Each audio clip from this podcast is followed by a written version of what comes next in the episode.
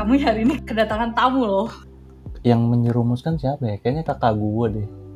Hah, kok gini kok gini maksudnya kayak culture shock gitu karena di Indonesia belum ada yang kayak gitu kan Dulu gue masih anti juga sama idol gitu kan, kocak deh. Nonton yang lain, yang lain, yang lain.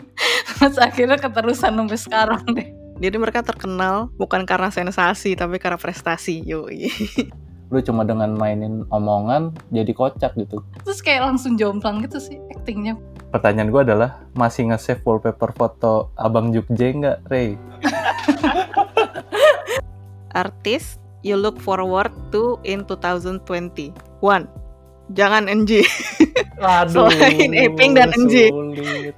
Dan once you enter, susah banget untuk uh, keluar dan mereka itu berhasil sih ngelakuin itu.